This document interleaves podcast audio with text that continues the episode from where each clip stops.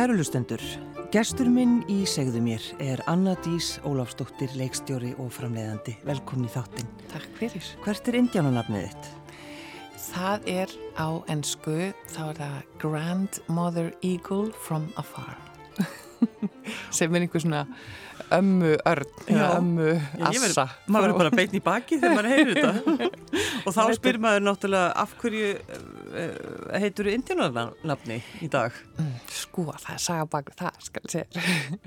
Nei, þannig er að við fórum til um, Kanada síðasta sömar og sem hluta af upptökum okkar fyrir heimildamindina sem við vorum að ljúka við sem eru Guðriði viðförlu, þar að segja Guðriði Þorbjarnadóttur og hún er fætt 980 og deyr um miðja 11. öld. Nefna það, Guðriði þessi viðförla, hún er viðförulasta kona og bara manneskja miðalda og fætt á Snæfellsnesi og deyr í skagaferðinum, öllu líkitum, að hún fer til Norður-Ameríku. Og það er talið að hún hafi hitt þar, já, indjána sem við kannski myndum kalla í dag, sem hún alltaf bara frumbyggjar í bandaríkjunum og þetta fólk er náttúrulega búið að vera þarna í dag í 10.000 ári eða eitthvað svo leiðis, við vitum það náttúrulega ekki nákvæmlega. En við fórum sérst á þessar slóðir í ágúst í fyrra og hittum um, nokkra eða hópa þessum frumbyggjum sem búa þarna ennþá. Mm. og þau tilheyra sérst ættflokki, skulum við segja, sem heitir Migma sem er í New Brunswick í Kanada. Indislegt fólk og þegar við vorum að leita eftir að fá leifi til þessa kvikmynda þarna þá var það náttúrulega ekki alveg auðsótt og bara ringir ekki sísona Þetta þurftum við að byrja að tala við aðal indjónahöðingjan á svæðinu, fór leifi hans, hann gaf okkur svo samband á næsta indjónahöðingja og svo vorum við komin í svona þriðju, ætt, að þriðja ætliða indjónahöðingu til þess að fá leifi. Mm. Nefna það þegar við komum þarna þá, þá kvíslar einhver að okkur og segir, heyrðu já, þeir að fara að heita indjónahöðingjan á morgun og við bara, já, já, við, þetta er bara mjög spennandi. Og þá vorum við að spura, eru þið með tóbak? og maður minn sem reykur með mér prófilm og við eigum þetta saman, Jóhann Sigursson, hann sagði bara, ó, ég er náttúrulega með nógu á síkaretum, en þá var okkur sagt snarlega, nei, nei, nei, það er ekki það sem þið þurfið að koma með. Nefnum það við þurftum að útvega sérsta tóbak, pakka því inn í rauðan silkiklút til þess að affenda indjarnahæðingjanum bara formlega dæin eftir mm. á samtíma óskum um hvað við vildum mynda, hversuna vildum mynda og svo framlegis. Nú svo rennur upp svo dagur, við hittum myndinu höfðingjan og, og ég þakka honum innilega fyrir að taka mót okkur og rétt honum tópaksklútin fallega og í því andart á því andartæki þá flýgur yfir þessi óbúslega falli örn að þetta gerist úti.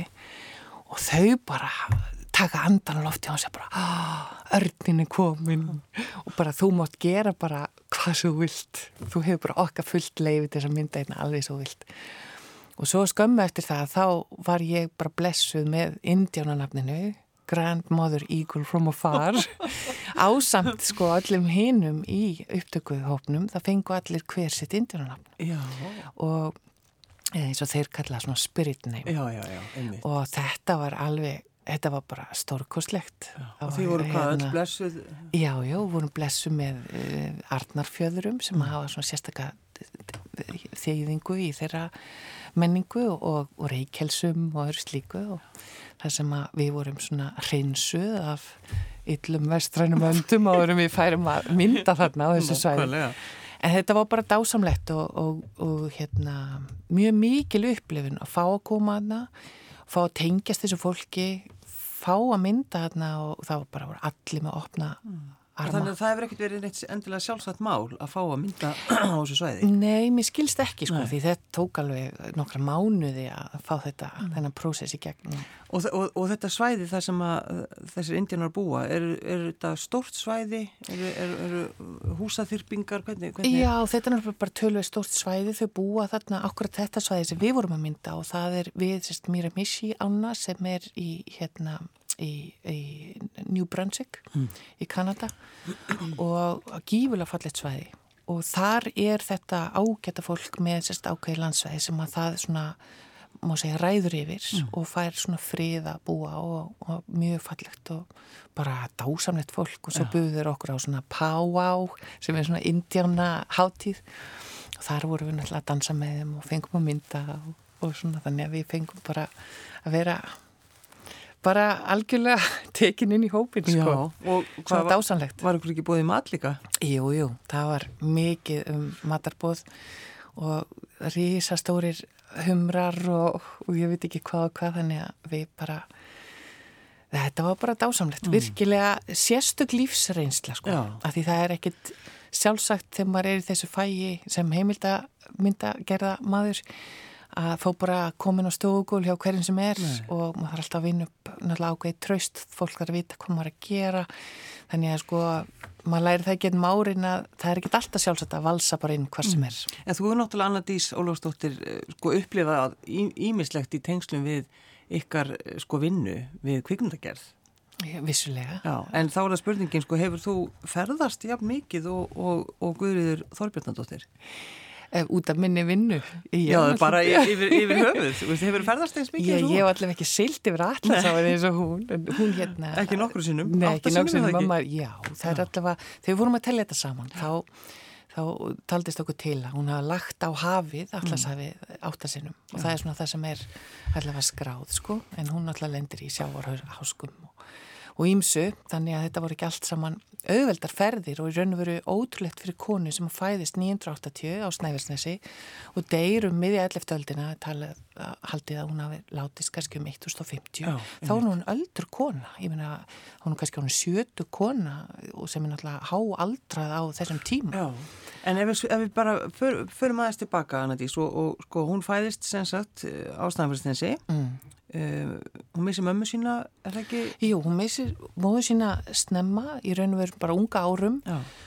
og þannig hún er mjög mikið með föðu sínum og, og fær, þá kannski, fær þá kannski svona einhver tækifæri til þess að upplifa hluti, er það ekki? Jú, það má ætla það, Já. sko í raun og veru og hann stendur með henni, svona eins og við erum að lesa þetta mm. hann stendur með henni og til dæmis þegar fyrsti vombiðlinn byrtist að sem hún var nú, virtist ekkert vera hrifin af. Og þá bara segir pappinar við hann að hún megi bara neyta honum sem hann alltaf á þessum tíma kannski var ekki alveg sjálfsagt. Þannig að hann hefur alltaf staðið með henni og verið kannski uh, ákveðið uh, bakland fyrir hann sem hann alltaf bara frábært. Já. en þau fara síðan snemma til um, Grænlands. Þá náttúrulega Eiríkur Rauði var einn af bestu vinum föður hennar og, og þau ákvaða að fara hann í Grænlands og búa þar í ákveðin tíma mm. Og er, er eitthvað að vita svona hvernig þeim leið þar? Já, ég held að það hefur nú verið svona upp og ofan skismir, sangat sjóður og þetta er náttúrulega verið mikið kuldi og vósbúð og annars leikt og mm. sérstaklega þarna það segir náttúrulega frá því í sögunum sko í raun og veru við hennar er minnst en að Guðriðar í sérst tveimur sögum það er saga Eirík, Eirík saga Rauða mm -hmm. og saga Grænlendinga Já. og það er einmitt eitt af í upphafinu okkar ferli að þá kynust við Gísla Sigursinni hjá Árnastofnun þeim mikla snillingi. Mm. og hann í raun veru held í höndina á okkur Jóhanni með við gerð þessar myndar alla leið. Mm. og, og hjálpa okkur að halda okkur á svona sögustrykinu og hérna en hann sagði bara strax við okkur fyrsta fundið ef að Eiríksaða Rauða var í skrifu í dag þá myndi hún ekkit heita Eiríksaða Rauða. Hún myndi heita Kvöri þessa Þorbjörnadóttir já Þannig að það kveikti strax í okkur bara nýja hugmynd í raunveru um að gera þessa mynd og líka að það eru kannski að, að varpingur ákveðinu ljósi á þessa sögu í dag sem að menn eru kannski komið önru gleru í dag heldur við vorum með fyrir einhverjum áratugum síðan að lesa þessa sögur. Nákvæmlega, svolítið, það er gaman að sitja í önru gleru og lesa ísendingasögur. Já, það er bara frábært Já. og hérna fyrir utan það náttúrulega þegar við vorum að byrja þetta ferli, það áttum að þessi svolítið á því sko að, að svona fólk almennt veit bara mjög lítið um Guðrið Þorpendóttur hún verðist ekkit vera mikið í þessu svona þessari almennu vittnesku hjá okkur. Alltaf, jú, jú, fylgta fólki vissulega sem veit svona einhver deila á henni.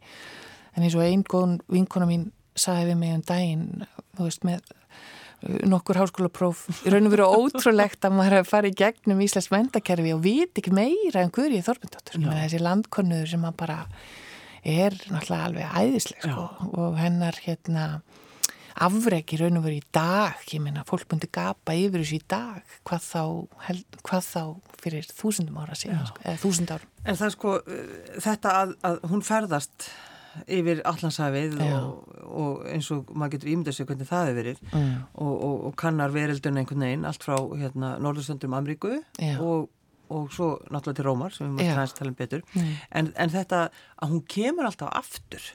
Já það fannst mér einmitt mjög merkilegt. Hugsa sér þessa konu fyrir sko þúsund árum síðan fætt 980 hún fer í gegnum þetta púslu spila menningasvæði þú veist það er, það er fólk er að tala alls konar tungumál alls konar menning, alls konar hefðir sem að bara þú dettur inn í og, og, og, hérna, og hún þarf alltaf að geta bjarga sér í gegnum allir sem menningasvæði. Bara þannig að mér fannst svo merkilegt að kona sem hafa náð kannski sjötusaldri hafa alltaf geta komist heim aftur. Mm. Alltaf náð aftur í höfn. Já, það er raun ótrúlegt. Og hérna, í raun og veru ótrúlegt, bara fyrir utan uh, þann sjáarháska sem þú í raun og veru erst að setja því þegar þú mm ert að fara yfir á vikingaskipi. Leggja á hafið, sko. Já, en ja. sko þegar þið uh, lásuð Eiríkssögu Rauða og, og Grænlendingasöguna, sko hvernig er henni líst í þessum bókum?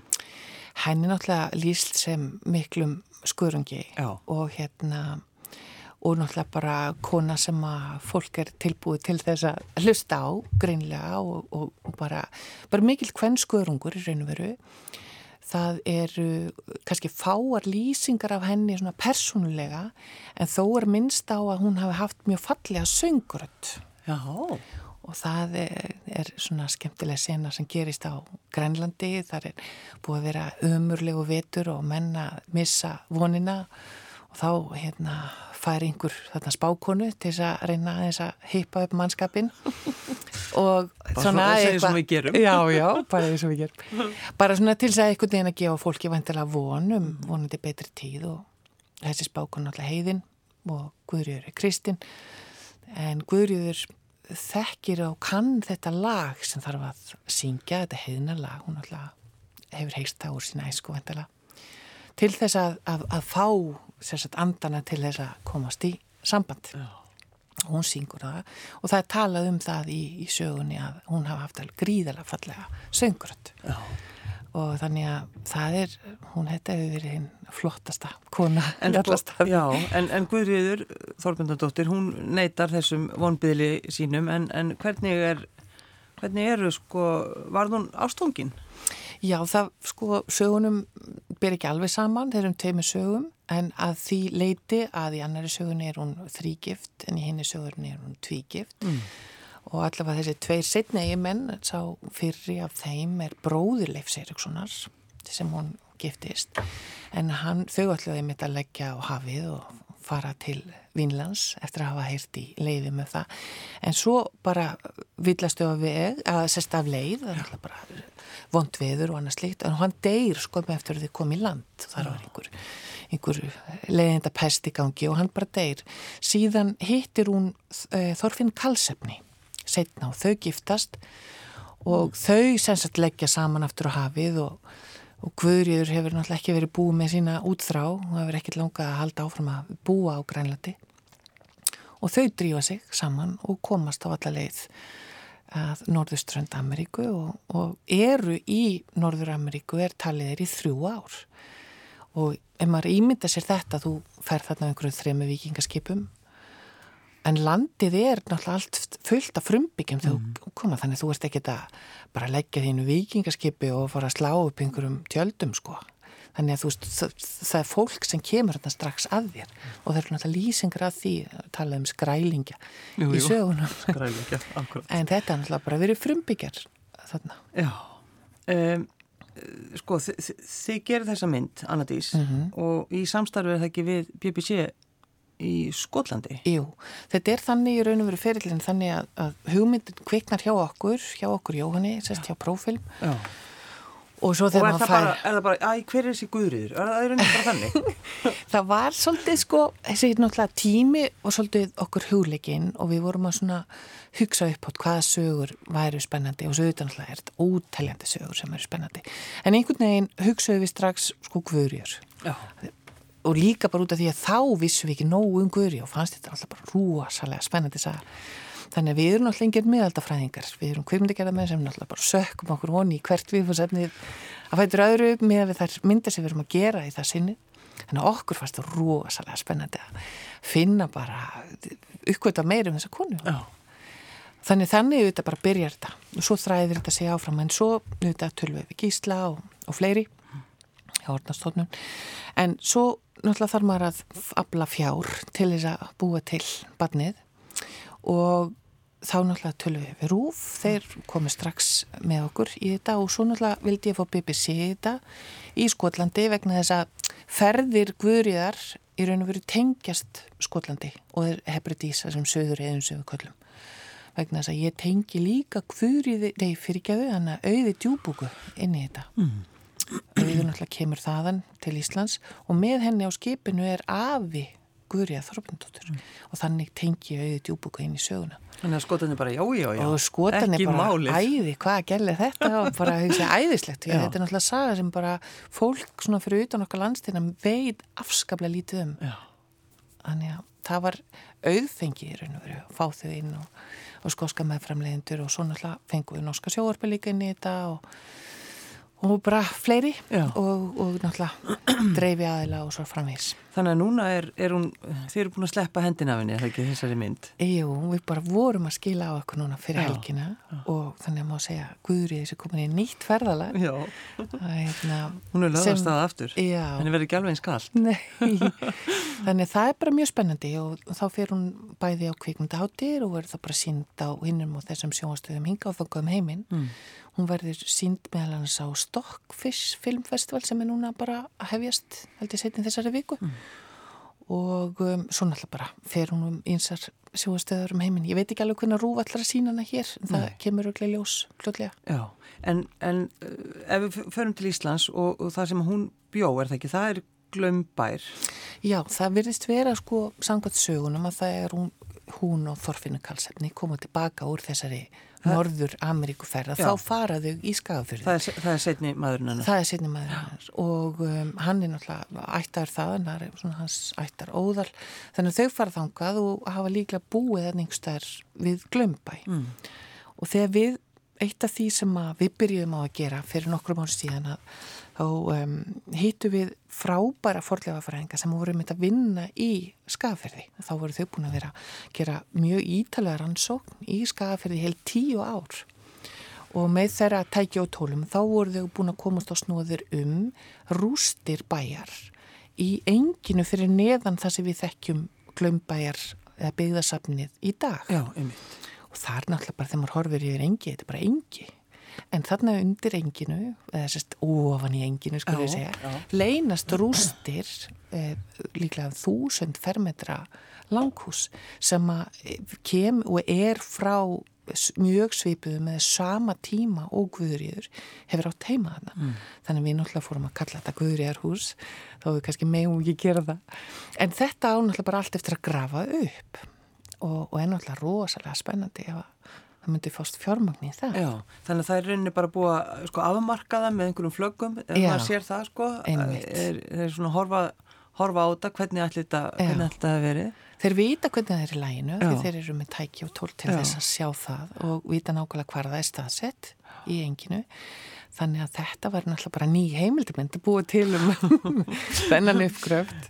Þetta er náttúrulega ótrúlegt. En já, svo, svo, kemur, svo kemur fram í e, einhverju, já, annarkvort Eiríksögu eða söguglændinga og svo gekk hún til Rómar, er það ekki? Er, er það í Eiríksögu eða? Já, ég held að segja einmitt í Eiríksögu að, að hérna. Gast ekki og, sagt neitt annað, hugsa maður um. Nei, einmitt, maður fór að hugsa, ó, það er svo spennandi að vita hvaða leið fórum til Rómar. Náttúrulega, maður þarf að ímynda sér þetta sverðalag frá Skagafæri til Rómar. Það er, það er ansi landferðarlega og við erum að tala um sko 1000 og eitthvað sko. En þarna er hún sko orðin 60 er það ekki? Já, allavega, við veit náttúrulega ekki nákvæmlega hvað sko en hún er. allavega komin á svona eldri ár. Þetta er Þorfinu Kallsefni látin og hún bara ákveður að, að, að ganga til Rómar eins og sagt var Já. og þá náttúrulega eru ákveðin að pílagríma leiðir í gegnum Róma á þessum tíma margir fræðmenn hafa haldið að hún hafi silt frá skagafyrði og yfir til Noregs, farið þar með frá Noregsströndum og, og þaðan niður eða suður Evrópu til Rómar.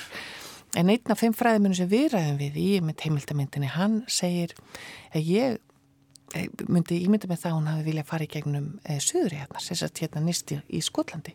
Á Skotlandi, Hebredís og þar afðinnar kemur þaðan, þar var mjög mikil kristni á þessum tíma. Farið kannski þaðan hugsalega til Dublin og síðan söður England, þar sem við þekkjum England í dag, getnum Kantaraborg og þaðan til Rómar. Þannig að það er náttúrulega bara getgáttur og maður veit þetta ekki, en auðvitað náttúrulega við sem kvikmyndagerðamenn erum alltaf að reyna að, að hérna, mynd gera sögurnar, það er okkar mál. Þannig við þurfum náttúrulega ímynda okkur aðeins um, hvaða legun hafa farið, en, en eins og ég segi Gísli hjælt mjög í sög og hendin okkar. Og var þurft hann að skam ykkur eitthvað? Nei, nei, hann var ægilega góð við okkur. Hann var alveg bara dásamlegur. Að, en auðvitað náttúrulega mað, sko það er líka mikilvægt þegar maður er að gera svona mynd að maður verður að stiðja okkur við þær heimildi sem við höfum í höndunum mm, og það eru náttúrulega fyrst og fannst tvær þarna. Já, það er þessar, það er Eirík Sagarauða og, og Grandíkisa Akkurat En eh, sko, hún, hún eins og þið sagt, hún gekk til Rómar og, og, og pælingarnir eru kannski eh, fólk ímynda sér, já, hún vildi þakka fyrir sig eða þakka fyrir lífið eða, eða hvað? Já, þetta er náttúrulega mjög trúkona, mm. Guðrýður og þannig að menn er ímynda sér það kannski meðal annars og hún hafi verið að fara til Vatikansins í Róm til þess að, að þakka fyrir sig fyrir þá að hafa fengið að vera svona lánsum fyrir að hafa komist alla þessa ferðir alltaf nóð höfn aftur og svo hefur hún kannski, nú erum við bara talum á hugarflugi að hún hafi sagt frá sínum ferðum. Já. Ég meina, þetta er, hún er stórgóðslegu landkonur á alveg sama hvaða söguskala og skoðar. Og þannig að hún er bara að koma til Rómar og segja frá nýjum lendum sem hún er búin að sjá í, í Norður Amerík og þeim tím og ég meina, fólk vissi ekki eins og að þetta væri til, þannig að hún er bara teiknum nýtt landakonu. En sko, að því að maður, þegar maður hugsa, já, áttarsinnum eru allansæfið eins og það sé bara ekkert mál, en hún langtalega, uh, sko, Guðrýður lendir í alls konar uh, vesenni þegar hún er að sigla og, og kannski þarna þegar að henni bjargað úr þessum sjávarháska. Já, hún alltaf hefur öruglega lendi mörgum, Nokkrum, já. já, mörgum kröppum eh, sjónum, eins og maður getur sagt, en alltaf það er sagt frá því að, að hérna þegar þau einhver tíman leðinni þau voru að fara frá Íslandi yfir hafi til Grænlands að þá náttúrulega bara lendaði í ömulugu veðri mm. og eru bara Hún reikna með bara að vera nokkra, um nokkra daga eða hvað voru þau lengja sér klefilegt? Já, ég minna þetta voru náttúrulega bara einhverju dagar eða tvær vikur eða eitthvað svolítið að fara yfir Og með þann kost og allt saman já, Já, svo bara velkjastu þarna um á hafinu í einhverju leiðinda veðri já. allt sumarið og maturum búinn og vatni búið og fólk verið að deyja já. en þau síðan strandaði þarna á skeri skamt frá Grænlandi og þau náttúrulega sá til lands og hún lifir þetta af sem er alveg ótrúlegt. En sá sem bjargar henni er Leifur Eiríksson. Og hann far við nefnið hefni eftir að hafa bjarga guðrið af þessu skeri. Vegna þess að hann var talin svo heppin að hafa bjargað mannslífi ekki það að hann hafi verið heppin að finna Ameríku eins og maður segir í gæsalöpunum. Já, akkurat, akkurat. En hann var talin Já. heppin vegna þess að hann bjargaði henni af... Hann bjargaði guðrið þáttundóttur Já, já og þess vegna færa þetta viðnöfni hefni Já, það var aldrei, aldrei talað um það.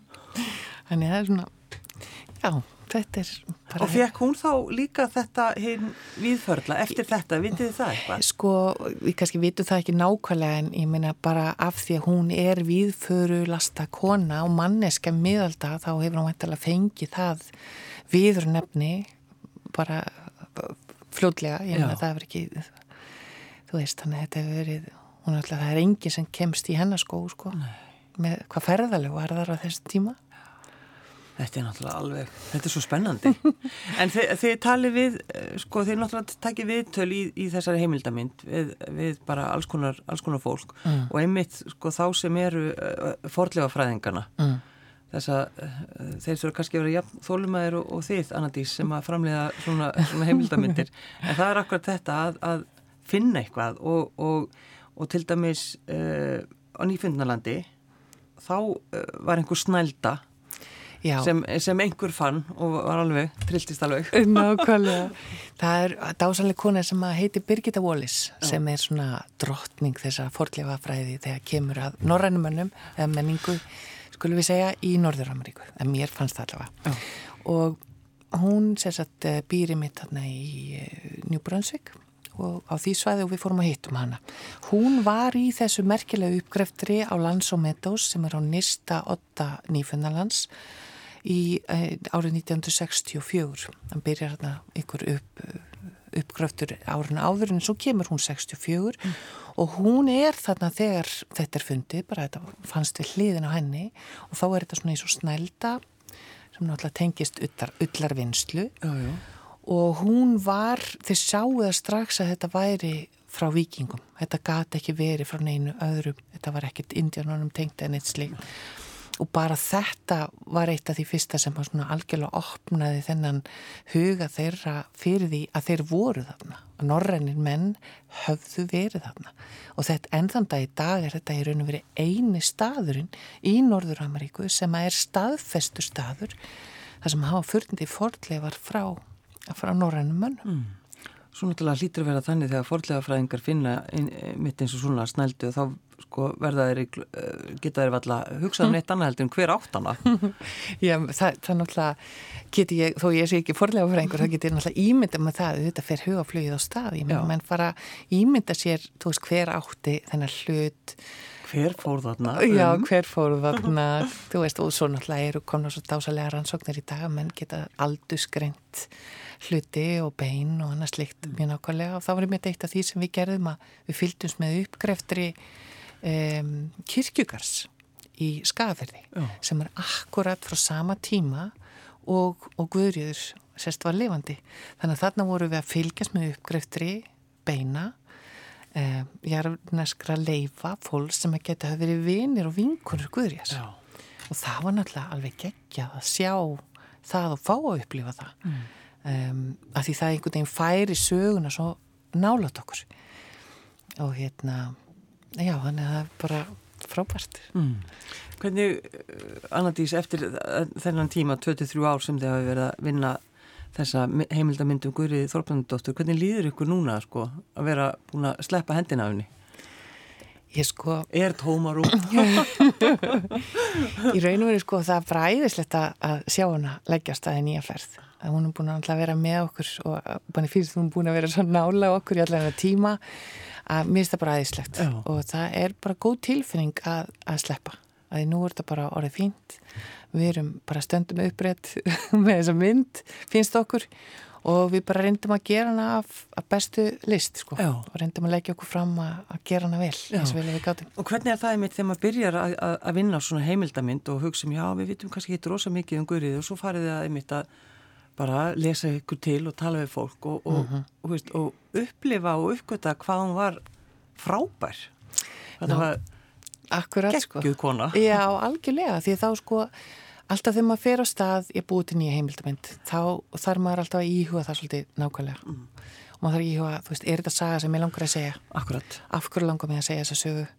Eh, er einhver annar búin að segja þessa sögu? Og hvernig var hún þá sögð? Þannig að af því að þetta ferðarlega tekur okkur svo langa tíma við þurfum að leggja okkur mjög mikið fram til þess að reyna að, að segja sögurnar almeinlega, mm. þá verðum maður að vera mjög viss um það að mann er langi sjálfum að fara í þetta ferðalag, annars gengur þetta ekki upp. Nei, nei. og það var náttúrulega mjög auðvelt varandi guðriði, vegna þess að við náttúrulega við gáttum ekki beðið eftir að finna allar að reyflingar sem við fundum og setja þetta saman í það forma við getum deilti með öðrum. Þannig að hérna, það var náttúrulega bara dásamlegt að geta gert það þegar maður var að hlusta og, og horfa á heimildamundina og þá svona laði ég við hlustir að því að uh, kannast eitthvað við röttina uh, þölurinn Já, hún hérna þölurinn á að ennsku útgáðmyndarinnar sem að fer þá um ennsku maldi svæði hún heitir að breska leikunan Imelda Staunton. Já. og hún er alltaf búin að vera svona ok, prívat ædol hjá mér hérna í leng, lengri tíma. Æðislega bresk leikuna og hérna það sem náttúrulega kannski fólk mun verða enþá meira meðvitaðir meðvitað um hana eftir kannski einhver tíma og hún mun leika breyta drottningu eða englaðs drottningu í næstu séri af Krán Já. sem að allir, eða mjög margir er að fylgjast með. Segðu það bara allir. Allir. Já, já, bara taka þetta hérna. Allavega, en, en hérna, hún er alveg frábæleikona og ég hafði náttúrulega bara samband við hennar eh, umbósmann í London og það var bara satt að segja mjög auðsótt. Og það náttúrulega var fyrst og fremst út af þessari sögu sem við vorum að segja. Já. og það var náttúrulega við náttúrulega sendum henni klippið og allt það og, og henni bara fannst það æðislegt og var algjörlega til að taka þátt í þessu.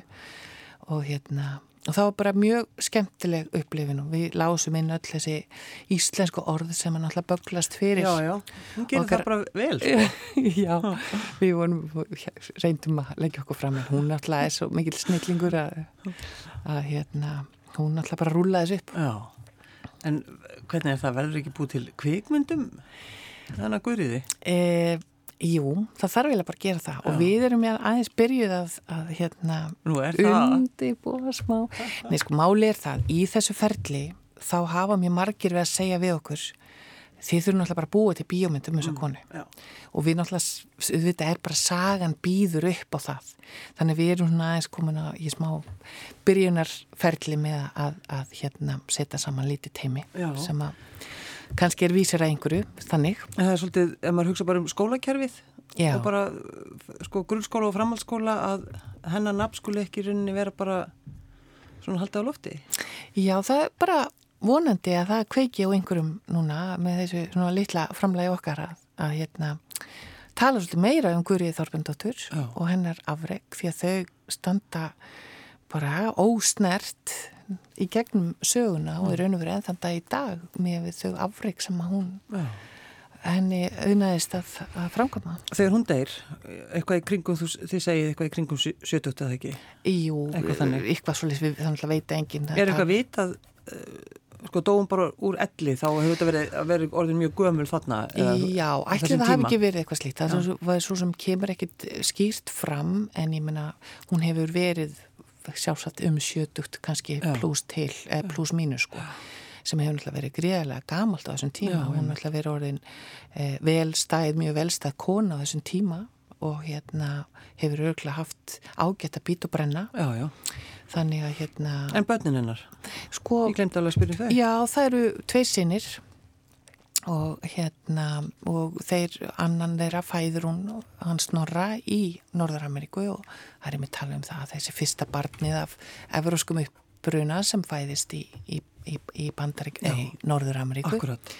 Þannig og svo, já, þau, hún eignar sérst tvo sinni og frá þeim eru komnir margir biskupar og, og ímis glæsimenni en ég mitt talaði svolítið við hann hérna Fririk Skúlason sem var með Íslindikabók og meðan eitt af því, því mörgu símtölum sem ég ringdi í rannsónavinnunni og hann var einmitt að segja mér að allir þeir Íslindika sem eru af þessum, ég hvað segjum, íslensku ættum sem að að þeir geta rakið eftir sín til kurjar, Þorbjörndóttur þannig ég bara hvet fólk farin og í það reykja sér saman.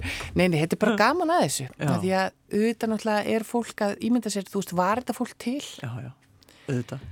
Og hérna var þetta fólk til í alvöru eða er, svona, er þetta eitthvað svona glæsisögur sem eru mm. skráðar hérna einhverju 200 árum eftir hugsala atbyrði en að minnstakosti að þarna eru tvær sögur sem að eh, segja frá lífi Guðrið Þormundóttur og allir helstu vendipunktar í þeim sögum virðast svona passa mm. að stórum hluta hvort hún er tvígift eða þrýgift það er náttúrulega bara eitthvað sem að Er það ekki bara auðgatrið?